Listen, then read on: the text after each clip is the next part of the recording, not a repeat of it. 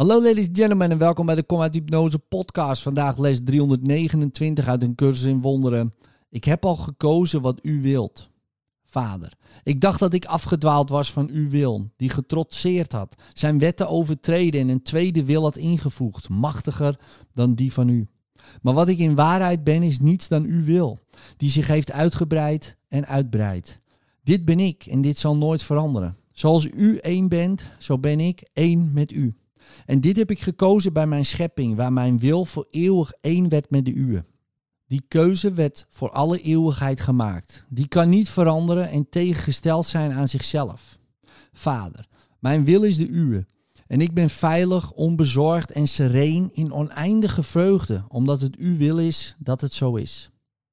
Vandaag zullen we onze eenheid met elkaar in onze bron aanvaarden.